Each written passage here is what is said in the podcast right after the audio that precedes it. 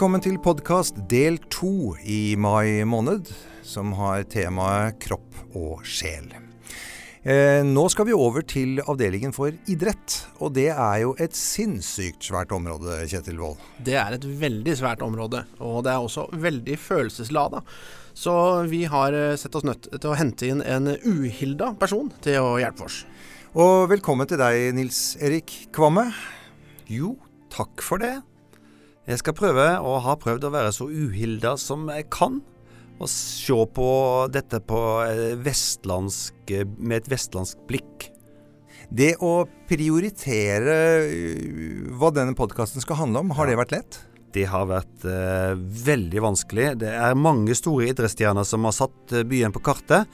Og vi rekker ikke alt i løpet av to ganger 45 minutter, så da kommer ikke alle med. Så hva kommer disse podene til å handle om? Vi kommer selvfølgelig ikke utenom fotball og håndball, som er de to store idrettene i, også i denne byen. Og jeg som ble født med skøyter på beina, eh, håper jo inderlig vi får noen skøytehistorier. Da kan jeg glede deg med at vi selvfølgelig må snakke med og om Bjørg Eva Jensen og hennes OL-gull på 3000 ja. i 1980. Ja. Men det er ikke der vi skal begynne, er det det? Nei, vi må jo begynne med fotballen. Og hvis man begynner med fotball i Larvik, starter man da under Bøkeskogens vakre grønne krone, eller må vi ned bak smiveggen? Da begynner vi der det, de store begivenheter fant sted først, og det var på Fram stadion. Da går vi til Frams, klubbens seriemesterskap i 1950, og vi har fått med oss den meritterte idrettslederen, men òg fotballtrener og fotballspiller på Fram, Knut Ludal. Vi setter over til Fram stadion. Nå sitter vi på Fram stadion. Du var her i 1950. Returkamp mot Fredrikstad om å bli seriemester. Det hadde blitt 1-1 i Fredrikstad første kamp, og andre kamp eh, her på Fram stadion. 6700 mennesker og du står hvor? Ja, jeg sto uh, mellom Frams mål, det som var Frams mål i annen omgang, da, på østre del av stadion. Mot Tett, Tor Heyerdahl skole? Ja, med ryggen mot uh, Tor ja. Heyerdahl, som er her i dag. Og bivåna den kampen. Og ja. så Roald Thoresens fantastiske keeperspill, ja. som jeg husker godt. Og så husker jeg veldig godt Coopens seiersmål. Ja. Karl Johan Christoffersen som skåra da i det andre målet lengst fra oss. Men det var lett synlig med oversikt over hele banen. Og da ble det storming av banen etterpå? Ja, det var i hvert fall fenomenal jubel. Ja. Hva tenkte en 13 år gammel Fram-gutt da?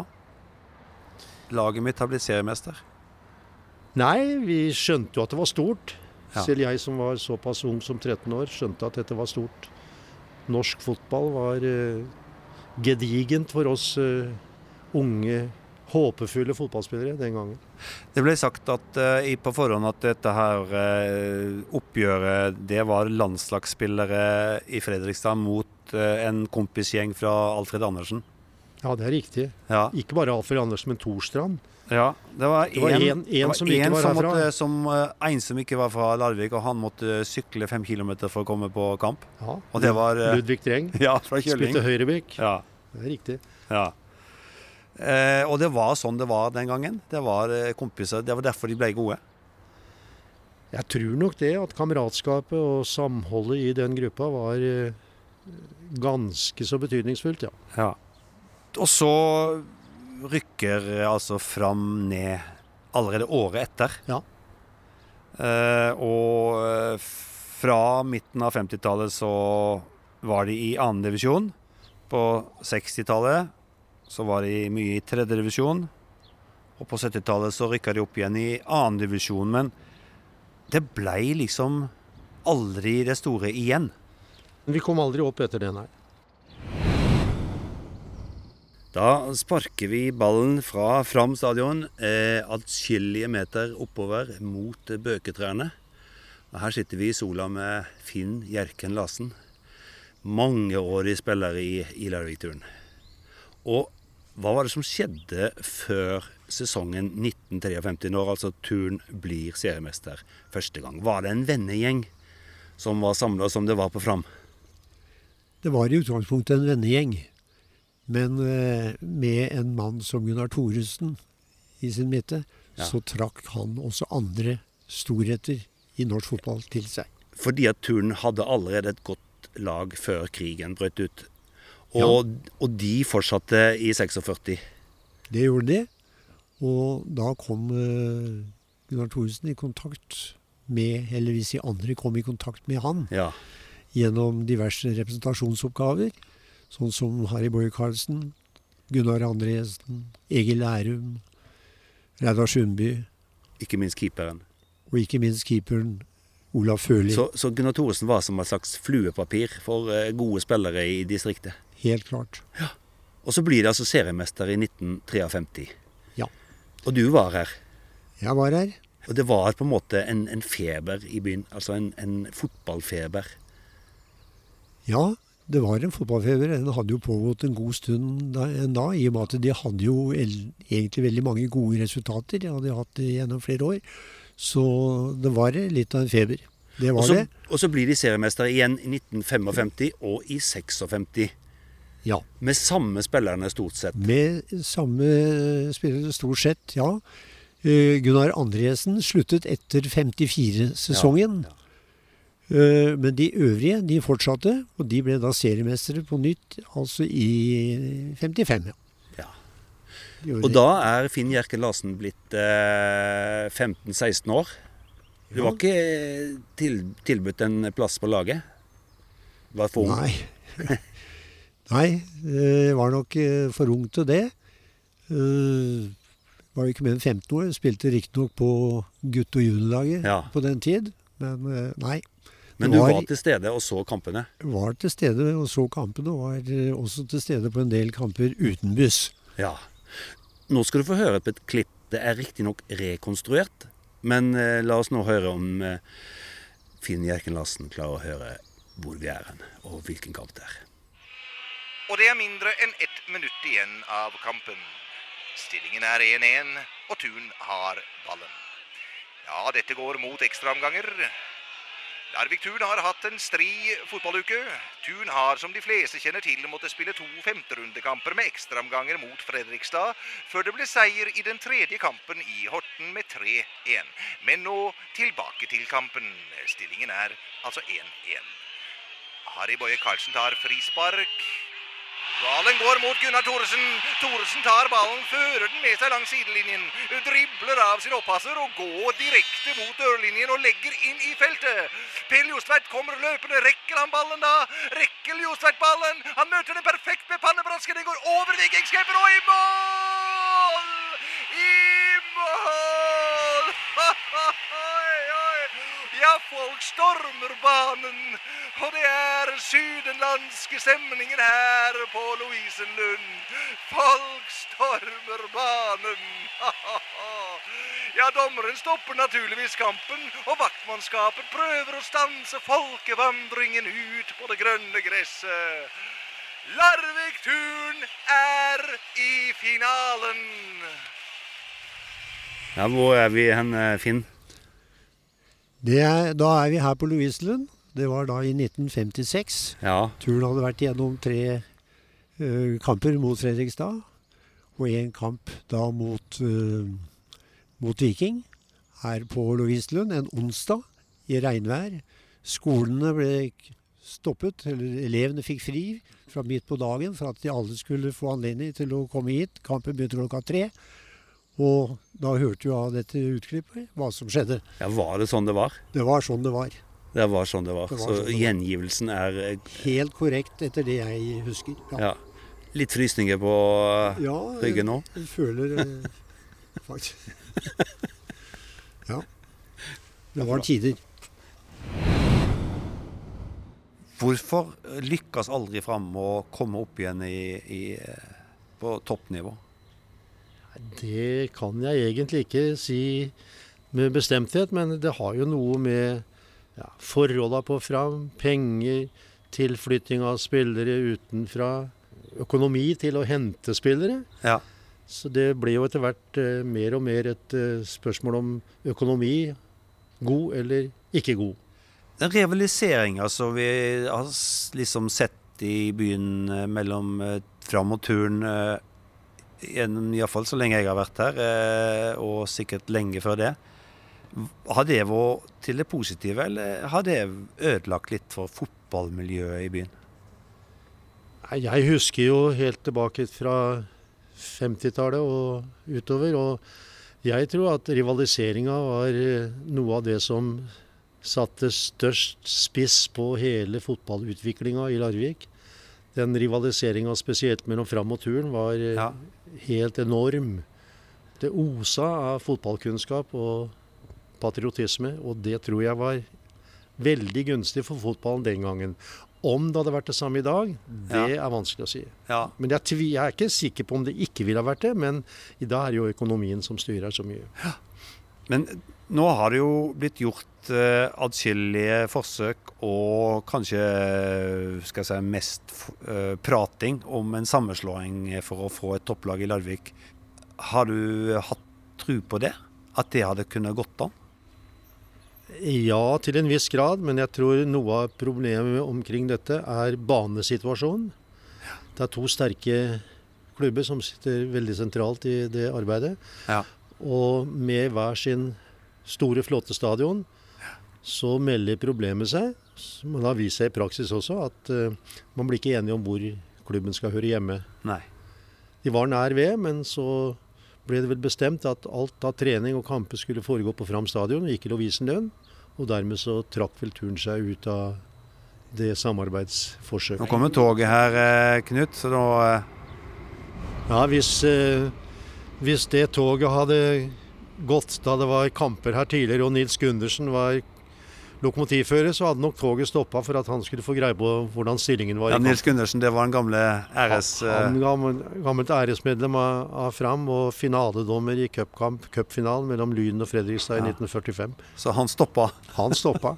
Gikk i hvert fall kjørte veldig sakte og snakka med folk på ståtribunen. Og stillingen var, ja. Ja. Det skjer ikke i dag. Nei. Nå er vi tilbake på Lovisenlund, riktignok atskillige år seinere. Men eh, i 1956 så er på en måte det st- store eventyret slutt. Da, da går det litt nedover. Det blir ikke flere seriemesterskap, eh, Finn. Nei, det gjør ikke det. Det blir ikke flere. Og det går, selv om de hevdet seg bra de første tre-fire årene, så var det ikke samme standard som de hadde vært i 56. Nei, og Gunnar Thoresen begynner å bli eldre. Eh, et par av de etablerte gir seg. Og så sa du her at de var kanskje ikke så flinke til å fornye seg eh, i den perioden. Nei, det er helt riktig. Gunnar Thoresen var jo født i 1920 og var jo da 40 år i 1960. Ja. Eh, Selv om han var unik på banen, så er det klart at eh, alderen eh, merket, måtte ha også som merke. Eh, Han spilte riktignok frem til 62, da måtte han gi seg. Andre etablerte de trakk seg også etter hvert. Men problemet var, først og fremst tror jeg, at eh, yngre spillere ikke fikk komme til. De prioriterte de etablerte, til tross for at det ofte var skader involvert. Men du, du sier sjøl, eh, da var du eh, A-lagsspiller eh, siste kampen til Gunnar Thoresen mot Skeid i 1962. Fortell. Ja, vi møtte Skeid på Lovisenlund her i 1962. Det var da eh, en del av denne tiklubbserien. Og Gunnar Thoresen var med fra start. Ble skadet i første omgang og måtte gå av banen. Og dessverre fikk vi ikke se han i den blå-hvite drakta mer. Da var et kapittel i Larvik Turns fotballhistorie over. Ja. Så etter 62 så er det på en måte Går det bare én vei, da? Ja, det gjør det. Når tiklubbserien var over, så måtte da turen ned en divisjon. Uh, Arne Legenes, som vi ikke har nevnt, som kom hit til klubben i 1957. Ja. Han eh, overtok trenerjobben og gjorde en fantastisk jobb kondisjonsmessig. Vi var veldig bra kondisjons... Men vi var ikke gode nok som, eh, som fotballspillere, så at vi likevel gikk ned en divisjon. Men så hadde dere et blaff på 70-tallet. Ja, midt på 70-tallet så var det en uh, ungdomsgjeng. De var et, uh, en gjeng som hadde vært sammen fra småguttlag oppover. De var, der var det flere flinke, bl.a. Uh, begge sønnene til Gunnar Thoresen.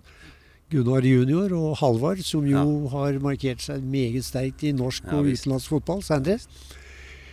Eh, Så fikk de da noe tilskudd fra Stag og fra Sandefjordball, og gjorde det veldig bra. Og et tap for Fredrikstad helt på tampen av sesongen gjorde at de ikke rykket opp Mm. i førstedivisjon den gangen. Men det Og- var det siste forsøket. Det var det siste forsøket. Deretter så har det for så vidt bare gått én vei, og i dag og i flere år nå så har det vel stort sett vært øh, laget bestått av mosjonister, sånne som da har trives med fotball, men ikke på et nivå som eh, eh, krever anstrengelser av noe slag. Og Hva mener du, eh, Finn, eh, har det vært av det gode at det har vært en rivalisering mellom Turn og Fram? Rent generelt så er det vel sånn at når det er eh, konkurranser, eh, rivalisering, så vil det bety større innsats og en higen etter bedre resultater. Så at eh, en viss betydning har det ganske sikkert hatt. Kunne vi klart å skapt en klubb som kunne ha sikta mot toppserien, mot toppen i norsk fotball? Sammen? Det er ikke umulig. Fram har jo, Det har vært gjort noen forsøk. Fram har jo hatt noen muligheter de siste åra. De har jo satset langt større grad enn en turn, og det er klart det, det kunne vel vært en mulighet. De prøvde jo så tidlig som i 1913, men det ble bare med det ene blaffet. Og i 1999 lagde vi fotball. Og la i fotballen i 1999, ja. Ja. Det er riktig. Så ja. Det, men det ser ikke ut som at det er så veldig mye å hente i turn i øyeblikket. Det må jeg bare innrømme. Fordi at det er antageligvis ikke spillere som er eh, villige nok til å satse så mye som skal til for å heve seg.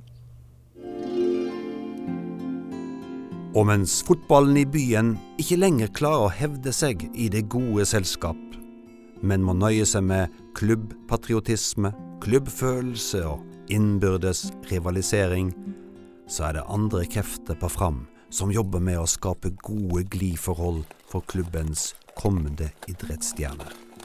Med kunstfrossen bane i 1975 er det skøyteløperne som skal stå for de største idrettsprestasjonene fra midten av 70-tallet. Ja, da er vi altså kommet ned igjen til Torstrand. Et steinkast fra fotballbanen. Frostøtveien, nederst i Burman står jeg sammen med Bjørg Eva Jensen. ja, vår egen Bjørg Eva. Og nå skal vi altså opp Burman. Det er, er noe som de kalte lavgang. Og eh, jeg har utfordra Bjørg Eva i lavgang fra Burman opp til Byskogen skole. Det stemmer. OK, Ja. er vi klar? Da må vi ned i beina først. OK, ned i beina. Ned i beina, og så god i stilling. Ja, Og så må vi få til skyvet skikkelig, så at vi begynner nå. Kom igjen. Okay. Der. Da er vi i gang. Ja. Da er vi i gang. Ja, det er bra. Ok. Har vi Hold deg litt dypt der, ja. Så får vi skikkelig, skikkelig på med skyvet. Det er bra. Er, vi, Der, er ja. jeg nødt til å si noe? Jeg må ikke snakke. nei, du må ikke snakke. Ok. Og midt rett etter, rett etter skoletida, så er fullt av biler som kjører forbi oss. og Ja. Alle lurer på Sånn var, det, sånn var det bestandig her. var det bestandig her? Det var alltid sånn at bilene kom og kjørte og lurte på om vi var litt crazy. Åh, Liten, da. Ja. ja vi Kjenner vi det? Hvor mange, hvor mange repetisjoner hadde det? Vi hadde en eh, fire repetisjoner etter vi hadde trent to timer først. Akkurat, ja. Så det var litt det, altså. Men eh, vi behøver ikke ta fire repetisjoner, vi. Nei, trenger Nei. ikke det. Vi kan gå ned igjen. Vi kan gå ned igjen. Det kan vi gjøre. Det er litt nostalgisk å være her, da. Ja, Tilbake til Her ligger det i hvert fall mange tonn svette. og nå ser vi rett ned på Skøytebanen, skøytebanen, ja. som ble fikk kunstis i 1975. 1975, ja. ja. Og nå er det bare en eh, grønn plen og noen grusbaner rundt. Hva tenker Ja, du om det det? er eh, egentlig veldig kjedelig å se. Det, det er jo liksom vår hjemmebane, dette her. er her. Og det er klart vi hadde trengt en eh, bane i Larvik. Vi trenger Ja. ikke bare en liten isrink, for skal vi få opp eh, rekrutteringa, så må vi ha en stor 400-metersbane. Og det, ikke minst det, så er det også viktig for folkehelsa. da. Det er jo mange som er interessert i å gå på skøyter, som var, har barn. var det den kunstisbanen som gjorde at du begynte å gå på skøyter? Eh, det var nok fram i utgangspunktet. Jeg hadde jo veldig Jeg var jo veldig interessert i skøyter, da. Ja. Så, men når den kom i 1975, så, så blei jo dette her et eh, veldig flott aktivitetsanlegg da, for oss. Så det, var, det gjorde jo også selvfølgelig at vi blei veldig gode på skøyter. Helt klart. Ja, da setter vi oss her i et tomt kafélokale på Fram. Eh, Et miljø Her har du knapt vært før, Bjørg Eva. Nei, det har jeg ikke. Det er nytt. Det Det er skjer noe i Larvik, skjønner du. Det er veldig bra. Ja. Men du, nå har vi vært gjennom uh, det som jeg på en måte aldri hadde uh, orka i når jeg var så gammel, da. Som du var uh, når du klatra opp uh, Burman. Men hvorfor begynte du med skøyter? Jeg syns jo det var veldig estetisk og moro, det med skøyter. da. Så det fascinerte meg utrolig mye, og særlig når jeg så på TV, liksom. Og så var han Dag Fornes, da. Ja. Som var eh, i esset sitt eh, rundt 70-tallet, og så sier jeg til mamma og pappa nå skal jeg ned og gå på skøyter, for jeg skal bli like god som han som går til å gå på skøyter. Ja.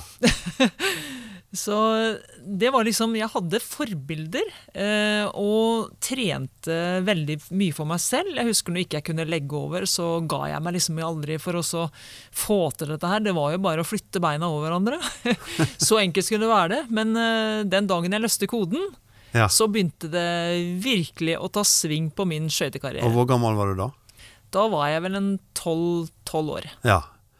Du, Hans Rygve sa vel en eller annen gang at uh, du har jo vist at du kunne blitt like god i nesten hva som helst. Bortsett fra håndball, sa han. Ja, ballkoordinasjon. Eh, vi hadde jo veldig mye fotball på treninga, da. Det, det hadde vi. Men i utgangspunktet så er jeg enig i det. I hvert fall utholdenhetsidrett. Sånn som friidrett og sånn. Jeg drev jo veldig mye friidrett på Fram i 70-tallet, og drev jo egentlig med friidrett på sommeren og skøyter på Kombinerte det på vinteren. Eh, og det er klart at eh, jeg måtte jo nok velge. Jeg var også på landslagssamling eh, som tolvåring. Eh, Ja. For jeg løpte ganske fort på 60-meteren og 100-meter, og da husker jeg vi hadde Audun Garsel som trener, og så fikk han greie på at jeg gikk på skøyter. Så Ja. sier han det er en veldig dårlig kombinasjon Bjørg å drive med skøyter eh, og friidrett, for da blir du rett og slett eh, tung i beina. Ja. Så, men så valgte jeg da skøyter som 14-åring, da, siden jeg da vant mitt første NM på Hercules da, som 14-åring, og da var, jo liksom, da var det greit å, å bare la friidrett være friidrett, og trente veldig mye av friidrett, kan du si, i hvert fall løping i skøytetreninga. Det har vi alltid hatt. Ja. Ja. Men også var det jo i tillegg et miljø her på Fram. Og eh, han som drev og dytta på deg, eh, han, eh, han fikk du mye med å gjøre. Hans Trygve Kristiansen. Ja, eh, han tok jo over så oss eh, når jeg var ca. 12 år, i 1972. Ja. Eh, og da lagde vi altså grupper, kan du si, og vi var en veldig stor, flott gjeng på Fram. Vi hadde et enormt flott miljø. Eh, det var liksom en fest å gå på de fellestreningene på tirsdagene og torsdagene. Eh, og det var mye trening, masse trening, og det skulle ikke være noe tull på trening. Da han var jo veldig fokusert han Trygve på dette her, at når vi skulle trene, så skulle vi trene. Og så måtte vi da Det sosiale det måtte vi ha utenom. Så, men sånn blei vi faktisk gode også. Det var, eh, vi var eh, en gjeng med både gutter og jenter som trente sammen, Ja. men det var eh, veldig forskjellig nivå på oss alle, faktisk. Men det gjorde ingenting, egentlig. Det var jo Alle bidro til å, til å få gruppa å heve niv nivået, da. Og dette her skriver jeg også i, faktisk i min biografi, 'Mitt liv Bjørg Ja. Jensen', som jeg skriver veldig mye om uh, i miljøet på Fram. da. Og der skriver du òg at du skal bli olympisk mester. Ja, det, jeg hadde en, eh, en treningsdagbok da, som jeg tegna en olympisk gullmedalje i 1979. Da. Det var jo liksom målet, og der skriver jeg at dette, den sesongen jeg går inn i nå, den er ingen dans på roser. Og, eh, men jeg må bare slite til de grader for å så nå målet mitt, og, og det vil jeg, da. Jeg var villig til å gjøre det som måtte til, rett og slett, og visste egentlig hva, hva jeg måtte gjøre for å bli god, da. Ja. Eh, Det var ikke noe, noe snarvei, det var eh, beinhard trening. Eh, På to økter om dagen, f.eks. Sto opp klokka fem om morgenen. Trente en økt før skolen. eh, og da, da gikk jeg på idrettsgymnaset, i hvert fall i 78-79. Og så var det da trening tre timer på ettermiddagen, så det var ikke noe kjære mor. Det var ikke så veldig mye tid til det sosiale utenom det, da. Likte du å trene òg, eller Ja. var dette bare en sånn motivasjonsprøve for deg? Nei, jeg elska å trene. Jeg kan si det at jeg, jeg Ja. elska å trene. Jeg syns det var så deilig. Det var deilig med smerte, liksom. Ja. Jeg syns det var eh, moro, og så blei jeg veldig god til dette her på å takle smerte, da. Og gikk jo veldig inn i meg sjøl og sånn at hvordan skal jeg komme imellom bar- barrierene for å bli god? Og da må du være god mentalt sett. Og jeg tenkte veldig mye på det. Allerede som tolvåring så gjorde jeg det. Og dreiv, dreiv litt yogatrening og sånne ting. Og jeg, jeg var veldig fokusert Du- på dette her med kropp. Du har jo sagt eh, og skrevet i boka di òg at du makta til og med å true pulsen din ned. Ja, det gjorde jeg på idrettshøyskolen med Sigmund Strømme. Eh, og da sto jeg på mølla kan du si, opp til 180 puls, og Ja. på samme hastighet. Når jeg da kobla ut eh, min hjerne og bare slappa av samtidig, som jeg liksom sto i samme hastigheten, så klarte jeg å få den til ned til 150. Ja. Eh, via tanken. Og det var jo veldig interessant, akkurat det der. Og skulle nok tatt en hovedfagsoppgave på det der. Det.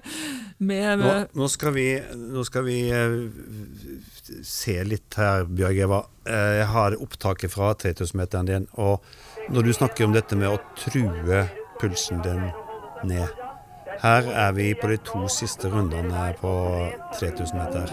Og det er 36,7 i rundetid. 1,8 foran skjemaet til verdensrekord. Og Og for, fortell eh, her. Der, eh, Jeg kontrollerte jo veldig mye Betaiden da, hele tida og prøvde å komme rett og slett litt forbi jo i, i ytre da, hver gang. Eh, og hadde oppløpsøya som en sånn kontrolleringsfase. Og ligger litt foran hver eneste gang. Men her sier Knut. Bjørnsen at du her er Bjørg Eva stiv. Jeg syns det ser ut som Bjørg Eva begynner å bli litt sliten.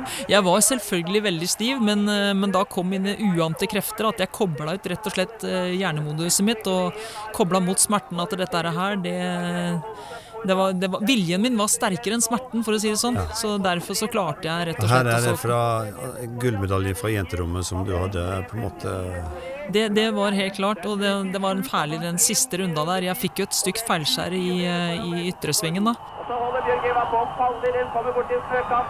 Men så kom jeg jo helt oppi bak eh, til bak eh, og gikk faktisk forbi jo i siste indre. Og så da oppløpet. Det var en fantastisk følelse, i hvert fall å komme over mål først. Ja, ja. Det var jeg. Og jeg slo i hender for andre gang nå, da. Hun slår Betaiden med 16 meter. Hun sverger. Veit du her når du går i mål at eh, Eller tror du ganske sikkert at dette holder til gull? Nei.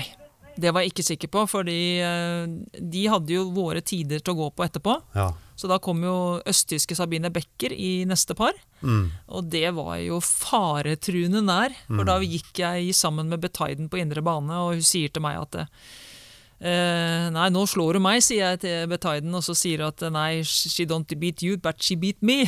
så sånn blei det at eh, hun splitta oss der sammen, da. Så, men jeg var veldig glad for at hun fikk ei bronsemedalje, eh, Betaiden. Vi har jo alltid vært eh, veldig gode Ja. venner, da. Ja, riktig. Gold medalist Eva Bjørg Jensen of Norway. Og så blir du altså eh, olympisk mester, eh, den eneste fra Norge i det OL-et der. Eh, Hva har det betydd for deg etterpå? Det har betydd veldig mye. Jeg, har liksom, jeg vet i hvert fall hva som skal til for å bli god på skøyter. Mm. og jeg hadde håpa på kanskje litt mer eh, ja, At jeg hadde hatt muligheten til å bli trener. mm. med de prinsippene, for jeg tror at det hadde vært eh, veldig bra for skøytesporten. Og kunne brukt den eh, kompetansen, ikke minst, som jeg har også når jeg da gikk på idrettshøyskolen ved siden av. Så det, det tror jeg faktisk. Eh, ja. Men, men så gir du deg eh, Du gir deg ikke helt, men du mista litt motivasjonen eh, de neste åra etter OL i 80. Ja, altså Det som skjedde da, det var at jeg ble mer eller mindre klar over de østtyske. De tapetserte pallen. Eh, og jeg så sjøl, når jeg gikk inn i garderobe, når jeg gikk feil inn i en garderobe, en ampull, eh, og hadde da min mistanke, og gikk ut i media med dette her, men jeg blei jo uglesett. Eh, Men jeg fikk rett, hva som hadde skjedd. I 2010 så kom det fram at de hadde drevet systematisk doping med androgene midler, stimulerende midler. Eh, som jo ikke er lov. Og da, hvis man tar vekk eh, de østtyske damene som var da på den pallen, så, så er det faktisk mye jeg har gått glipp av innenfor idretten. Så jeg var vel egentlig lei i forhold til det å kunne prøve, altså, gå i sammen med utøvere som ikke er reine. Og vi må jo satse på en rein idrett, og det har jeg alltid vært så veldig dedikert på, det med rettferdighet innenfor idretten. Og da så jeg det rett og slett at jeg, det var ikke noe vits i å holde på med idretten mer. Og slutta allerede som 24-åring, og det var jo altfor tidlig i utgangspunktet. Altfor tidlig. hadde mye mer igjen eh, i utgangspunktet på skøyter. Men når du hele tida blir nummer fire og fem, av at du vet andre ting, eh, andre stimulerende midler, altså de driver med unfair play, da. Da, da blir motivasjonen borte. Altså. Det, det tar vekk en del av den spiriten i idretten, som er veldig viktig. Nå eh, kunne vi jo fortalt lage en hel podkast bare med deg og det du mista på, eh, på skøytekarrieren din, det tok du igjen eh, munnelig etterpå med en egen sykkelkarriere. Med norgesmester som 55-åring, så eh, du hadde vel eh, mye i deg som du aldri fikk tatt ut eh, på skøyter òg. Ja, det er jo det jeg hadde. ikke sant? I utgangspunktet så hadde jeg det. det og det beviser jo det at jeg var jo ikke for gammel i, som 28-åring. Eh, jeg hadde tre norske mesterskap, men jeg blei jo ikke god nok, for, god nok for å ta med, da. I 1988, i Calgary. Da hadde jeg faktisk en, eh, en eksamen på Norges idrettshøgskole med pedagogikk og psykologi som jeg måtte ta, og da blei jeg ikke med. Da ble jeg ikke godkjent for å bli med på OL, da. Så det var jo litt eh, kjedelig i utgangspunktet. Og da, da la jeg skøytene på hylla. Og, men jeg har alltid holdt på med idretten etterpå. Jeg blei jo ferdig med studiene og sånne ting, og så gikk jeg videre på lærerhøgskolen og har hatt en lang periode, kan du si, elleve år i skoleverket som jeg har jobbet der. der. Som jeg trives veldig med. Eh, og nei, sånn, Sånn ble det. sånn ble det. Eh, Hva, oppi alt dette her så sto jo Hans Trygve Kristiansen eh, last og brast med deg. Hva betydde Ja. han for deg som trener? Jo, han betydde veldig mye, absolutt. Eh, han har bana vei for veldig mye for veldig, i, i eh, skøytesporten, må jeg si. Han skapte jo faktisk en vinnerkultur. Eh, og han var eh, veldig dedikert på hva som måtte til, og jeg eh, husker veldig godt at jeg hadde veldig stor respekt for han som trener, og sa Hans Trygve noen ting, da det var riktig. sånn var det. ja.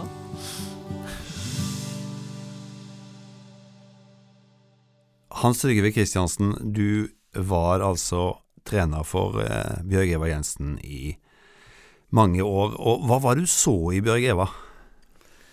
Altså, det var jo et uh, talent, selvfølgelig, for uh, ja, for å, Særlig for det å ville noe, og gjennomføre og den biten der. Kanskje ikke så veldig mye sånn uh, teknisk å, å se etter. Altså, jeg tror ikke det var så mange som ville sagt det var et sånn teknisk talent, men, mens eh, vilja og, og hva skal jeg si evnen til å gjennomføre, den var stor, altså. Ja. Men, men kunne hun blitt like god i en annen, en hvilken som helst annen idrett, egentlig? Jeg har vel egentlig bevist det, at du ble Ja. like god på sykkel og norgesmester og jeg, jeg tror jo det. Det er jo litt begrensa i forhold til hvilken idrett. Jeg, jeg tror ikke jeg hadde blitt håndballspiller, for å si det sånn. Nei. Så det er, men innafor sykkel, løping, eh, skøyter, langrenn sikkert. Men, eh, ja. Nå eh, er jo du eh, framgutt. Eh, og så kommer du altså inn i, i skøytemiljøet på Fram. og eh, Hvordan så det ut eh, på 70-tallet når du, når du kom inn i, i miljøet i Fram? Ja, for så vidt så hadde jeg jo vært der veldig mange år, da, for jeg hadde jo gått på skøyter som eh, gutt sjøl. Og var sånn eh, Blei vel til og med middelmådig juniorløper.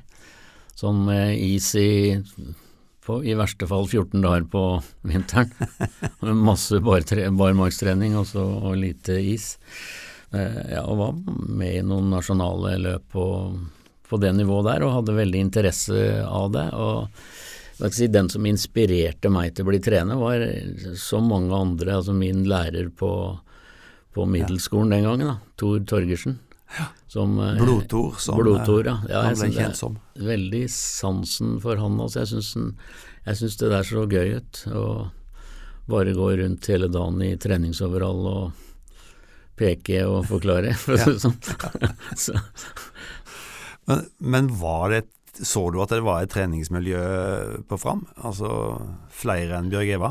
ja, det var jo flere. Vi hadde jo Tom Erik som var ja, ja, Som også var en sånn energibunt. Og, Tom Erik Oksholm? Ja.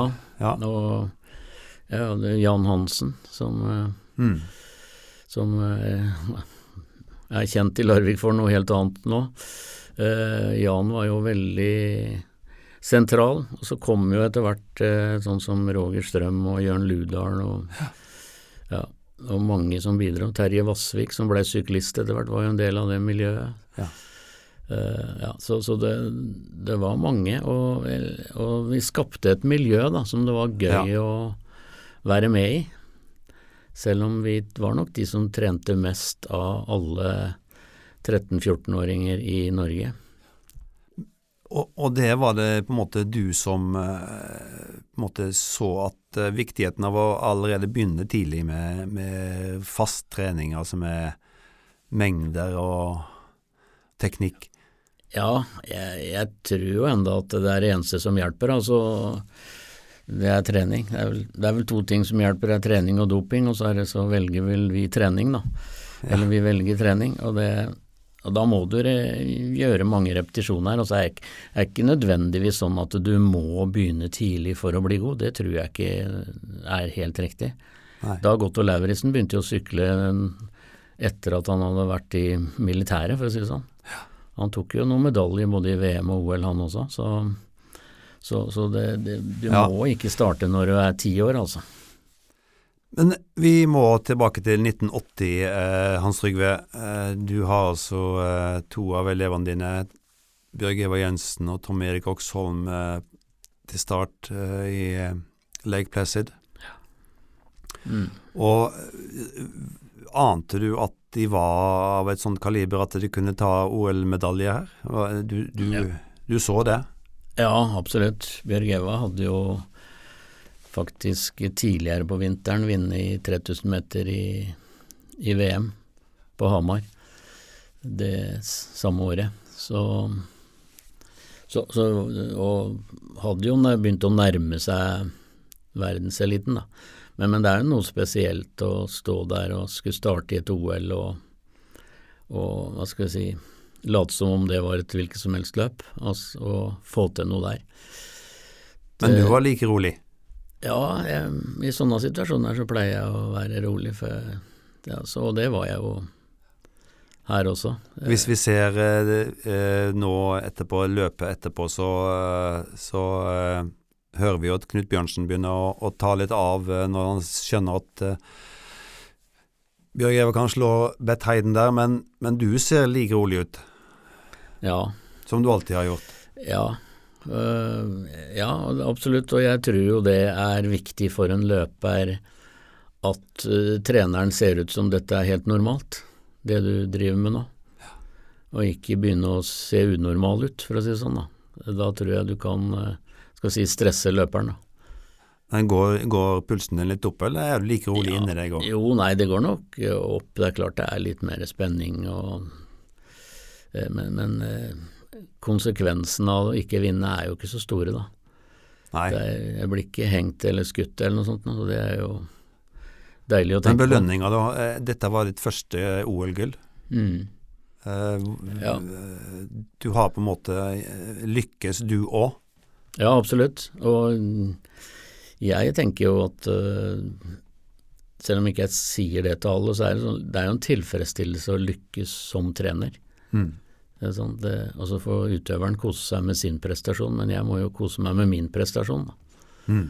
Og det, det er kanskje kynisk å si det, men sånn er det jo. Hvor mye betydde dette gullet for deg? Dette OL-gullet? Det betydde jo mye, fordi det, det, altså når du bruker så mye tid på noe og tror at du kan bli god i noe, så er det jo fint å få en tilbakemelding på at det du driver med er bra. Ja, fordi det som skjer etterpå, er jo at du får landslagstrenerjobben. Ja. Først for damer. Ja. Ja, og sånn er det jo ofte. Ja. Sånn, Og seinere så, eh, så får du eh, landslagstrenerjobben for, eh, for herrer òg. Og vi, de som følger litt med i norsk skøytehistorie, så veit jo at eh, OL på Lillehammer i 94 òg ble jo en, en stor opptur for deg som, tre, som trener.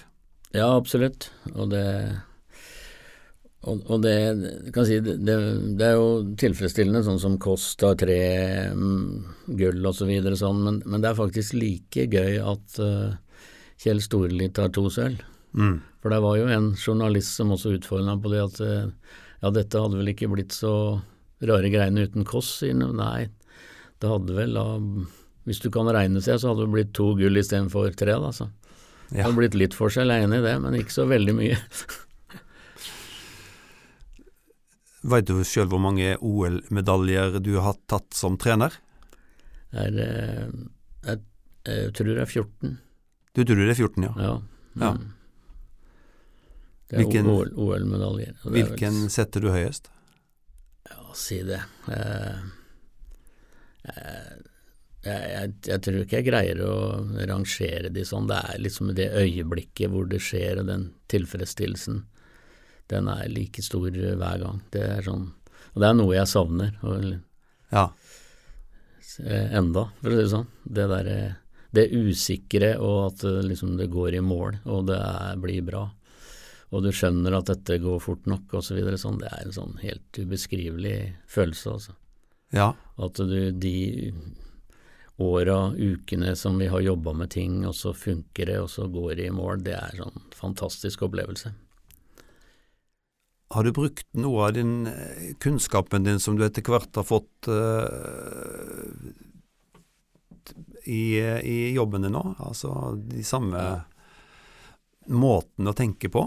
Ja, absolutt. Jeg driver med trening av ledere da, i, i næringslivet eller i en virksomhetsorganisasjon, og det er veldig mye av det samme, altså. Og det er, eh, Hva handler det om? Eh, Altså, det handler jo på en måte om å få folk til tro på det, og følge det. Og Hvis ikke du får til det, så har du ikke kjangs. Da blir du administrator og ikke leder. Mm. Men, og, det er sånn, og vi har jo faktisk eh, 80% av lederne i næringslivet er jo administratorer. Mm. De administrerer et eller annet. Men det er fælt få ledere, altså, som sier 'I have a dream'. Mm. Vil dere følge med? Ja, den, de er ikke så mange av. Uansett nivå eller hva de driver med. Ja, da har vi fått besøk av Terje Svendsen i studio, og Terje Svendsen, mangeårig redaktør og ikke minst sportsjournalist både i Nybrot og Østlandsposten helt fra 70-tallet. Og eh, du har fulgt med på all sport i Larvik, og skøytesporten spesielt eh, fra tidlig på 70-tallet, Terje. Ja, det var jo sånn. Var jo, var jo torsdagsgutta og, og var fryktelig interessert i, i idrett. Skøyter, fotball, håndball, alt som var. Var fryktelig dårlig sjøl, men uh, interessen var her. Og skøyter, klart det var, uh, det var spennende. Men skjønte det i, i eh, journalistmiljøet, for å si det sånn, da, i, i Larvik at Bjørg Eva var så god som hun var? Ja, vi gjorde jo det. Vi fulgte jo, jo nøye med, og vi, vi skjønte jo hva som skjedde og Det var jo noe av det vi virkelig vi skrev mye om den gangen.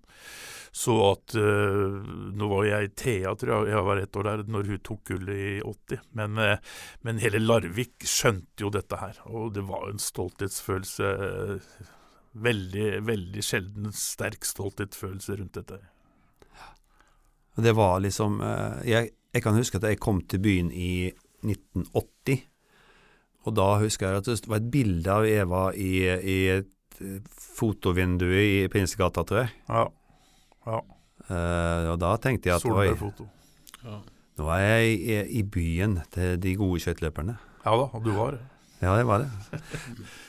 Men det, det, var jo Altså, det var jo flere skøytefolk som trekte til Larvik og den kunstisen. Den lokka en del uh, store stjerner. Og du møtte en av de virkelig store verdensstjernene i, i Larvik. Uh. Ja da, jeg gjorde det. Dette var jo før, før ordentlig smalt med de lokale. Eh, det var jeg husker det godt, det var februar 78. Da hadde jeg mm. akkurat begynt i Nybrott. Jeg begynte jo der et halvt år før.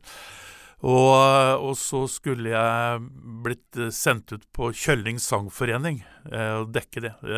Nybrot hadde dumma seg ut forrige gang de hadde konsert.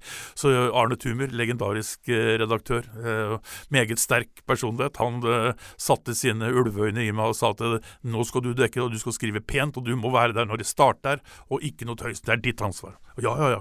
Jeg var jo en godt oppdratt gutt, så jeg satte meg i den gamle folkevogna mi og kjørte utover over Lågabrua. Og så syns jeg det sto en mann Eller jeg så det sto en mann med topplue og, og skøyter på andre sida av brua. Så tenkte jeg fader, er ikke det han Hayden? Så jeg stoppa. Og, og For han sto og haika. Og jo, ja. visst, han satte seg inn. Han spurte om jeg skulle utover. Ja, sett deg inn på dårlig engelsk. Og, og, og, og så spurte jeg ham til slutt, da, eh, når vi hadde begynt å kjøre uh, utover Skrepstad. Uh, Mr. Hayden? Yeah. Og så fortalte han at han hadde vært og trena på Fram på kunstisen. For det var det som var tilbudet. Og dette var altså uka før VM i Göteborg, i februar. Det var kaldt og jævlig. Og han hadde altså dratt til, Larvik og trena, og så skulle han hjem, for han bodde på Park. I Sandefjord. I Sandefjord. Og sånn var Og så kunne han da haike hjem tre-fire dager før VM. Ikke i nedre veien til Sandefjord.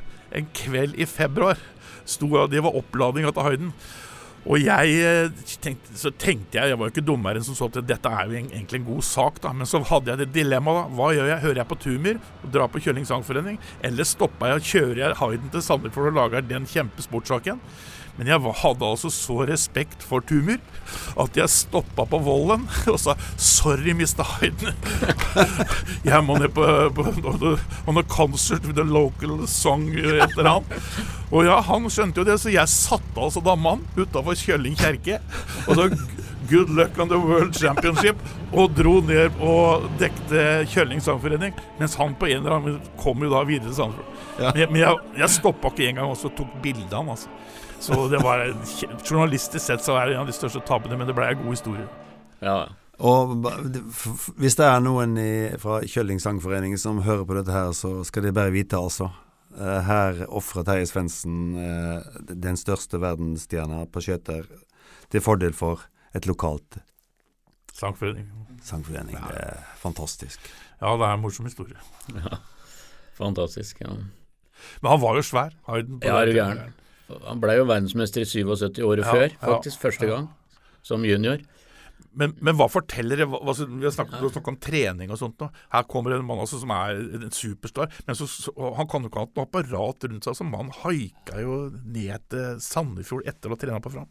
Ja da, og, de, og, sånt apparat hadde de nok ikke, men de hadde ganske profesjonell trening. Ja. De hadde jo Dian Holum, som var eh, tidligere løper sjøl, og som var veldig flink og profesjonell altså, i ja. måten å være trener på. Men, men, akkurat det der rundt, det, det som ikke betyr noe, det var ikke så opptatt av. Han Nei. gikk jo i underbuksa i, i, ja, på skøyter i 20 kuldegrader i Holmestrand også. Det var jo, det var Fordi at Nei, bare for å vise at det, det var ikke så nøye. Eller ja. jeg er litt mer avslappa enn de her S-ene eller noe sånt. ikke sant? Man måtte jo hatt en fysikk også som var nokså spesiell. Ja, han var jo Ja. Og, og det er mange som sier han var dopa. Jeg tror ikke det. Jeg tror han var bare godt trent, og Ja. det må være lovlig. Altså. Ja, ja. Vi kan ikke hver gang vi ser en som er god, si at han er sikkert dopa. Nei. Vi hadde en tendens til det, syns jeg, i Norge. Ja. Eh, helt til vi begynte å bli tatt sjøl. Så, så jeg tror aldri han eller Beth Hayden var det. De var bare gode, og de, de trente godt. ja, brukte, Det var ikke noe hokus pokus treningssystemer han brukte heller, fordi jeg hadde jo bra innsikt i det, for jeg blei jo kjent med Dayan Holum etter hvert og visste hva de dreiv med, og det var jo gamle norske programmer. jeg. Mm. Ja. Treningsprogrammer. Ja, sånn sklibrett hadde de tatt Ja. fra Tenman og tatt meg over, og det var ikke noe hokus pokus.